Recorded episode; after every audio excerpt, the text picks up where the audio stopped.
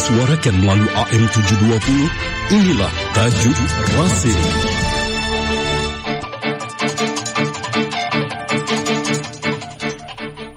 Tiba saatnya kita dengarkan Tajuk Radio Silaturahim.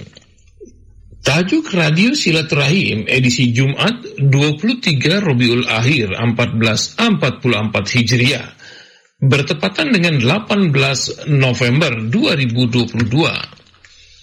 Diberi judul Rekor Bersejarah Pemilu Sela Amerika Serikat, sebuah angin segar bagi Muslim. Kolom Republika.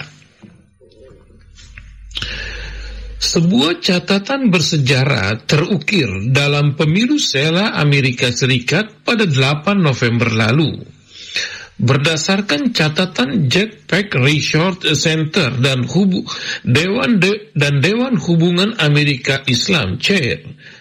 Saat ini Muslim Amerika memecahkan rekor. Washington Post dalam artikelnya menulis, sebanyak 145 kandidat Muslim Amerika mencalonkan diri untuk jabatan lokal negara bagian dan federal dalam pemilihan sela. Ini termasuk 48 kandidat legislatif negara bagian yang mencalonkan diri di 23 negara bagian. Hasilnya, lebih dari 80 kandidat muslim memenangkan kursi lokal, negara bagian, federal dan yudisial di lebih dari 20 negara bagian. Data tersebut berasal dari laporan share dan Jetpack Research Center, sebuah organisasi nirlaba yang bekerja untuk meningkatkan perwakilan muslim di pemerintahan dan politik Amerika Serikat. Ini menandakan jumlah kemenangan elektoral tertinggi di antara Muslim Amerika sejak Jack Peck dan Chair mulai meneliti. Pada 2020 sebanyak 71 Muslim terpilih. Jetpack juga mendokumentasikan rekor jumlah muslim yang mencalonkan diri untuk kursi legislatif negara bagian termasuk 20 pejabat muslim yang berhasil mencalonkan diri.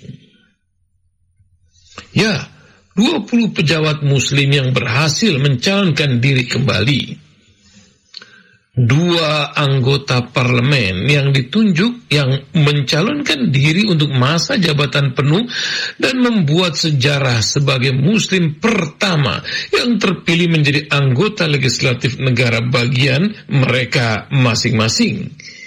Ini masih ditambah 17 calon muslim baru yang memenangkan kampanye mereka. Direktur Eksekutif Jetpack Muhammad Mishori mengatakan semua legislator muslim di negara bagian yang mencalonkan diri untuk dipilih kembali berhasil mempertahankan kursi mereka di tingkat nasional.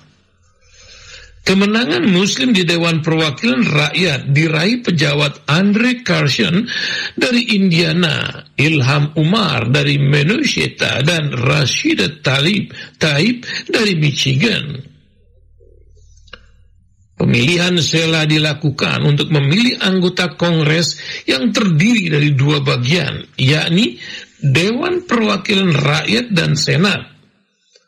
Pemungutan suara sela atau paruh waktu diadakan setiap dua tahun dan ketika jatuh di tengah masa jabatan empat tahunan presiden. Maka disebut paruh waktu. Kongres membuat undang-undang nasional. DPR memutuskan undang-undang mana yang dipilih, sementara Senat dapat memblokir atau menyetujuinya mengkonfirmasi penunjukan yang dibuat oleh presiden dan melakukan penyelidikan apa pun terhadapnya meski jarang terjadi. Profesor politik di Universitas George, University, George Washington Gary Naderlinger menggarisbawahi pemilu sela memegang peranan penting karena siapa pun yang mengendalikan DPR atau Senat artinya mereka mengendalikan agenda. Partai mayoritas menentukan siapa yang memimpin komite kongres yang penting kemampuan seorang presiden untuk menyelesaikan agendanya berkaitan dengan apakah partainya mengendalikan DPR dan Senat. Dari 80 muslim yang terpilih, banyak di antaranya merupakan muslim pertama yang duduk di jabatan legislatif. Hal ini patut disambut gembira karena otomatis kepentingan dan suara muslim akan terwakili mengingat besarnya jumlah populasi muslim.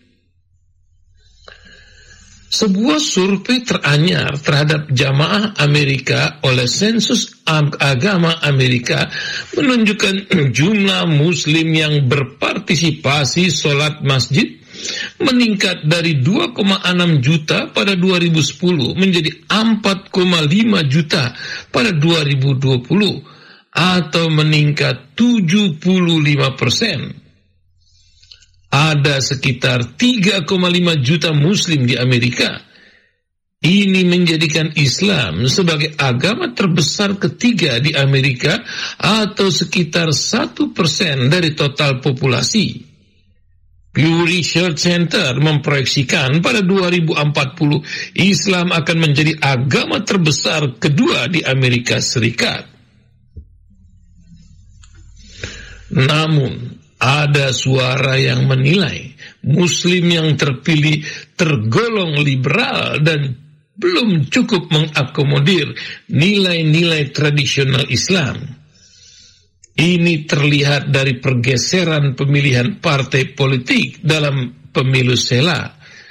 Exit poll Wall Street Journal mengungkapkan 25% muslim memilih kandidat dari Partai Republik. Angka tersebut naik 11% dibandingkan pada pemilu sela 2018. Bagaimanapun, rekor keterwakilan Muslim dalam Badan Legislatif Amerika Serikat menunjukkan kekuatan komunitas ini. Dunia menyaksikan kemajuan yang dibuat komunitas Muslim dalam bidang politik. Muslim di Amerika kini tidak lagi termarginalkan dan terpinggirkan. Muslim bisa jadi bisa juga menjadi suara penentu alias decision maker. Wallahu a'lam bissawab.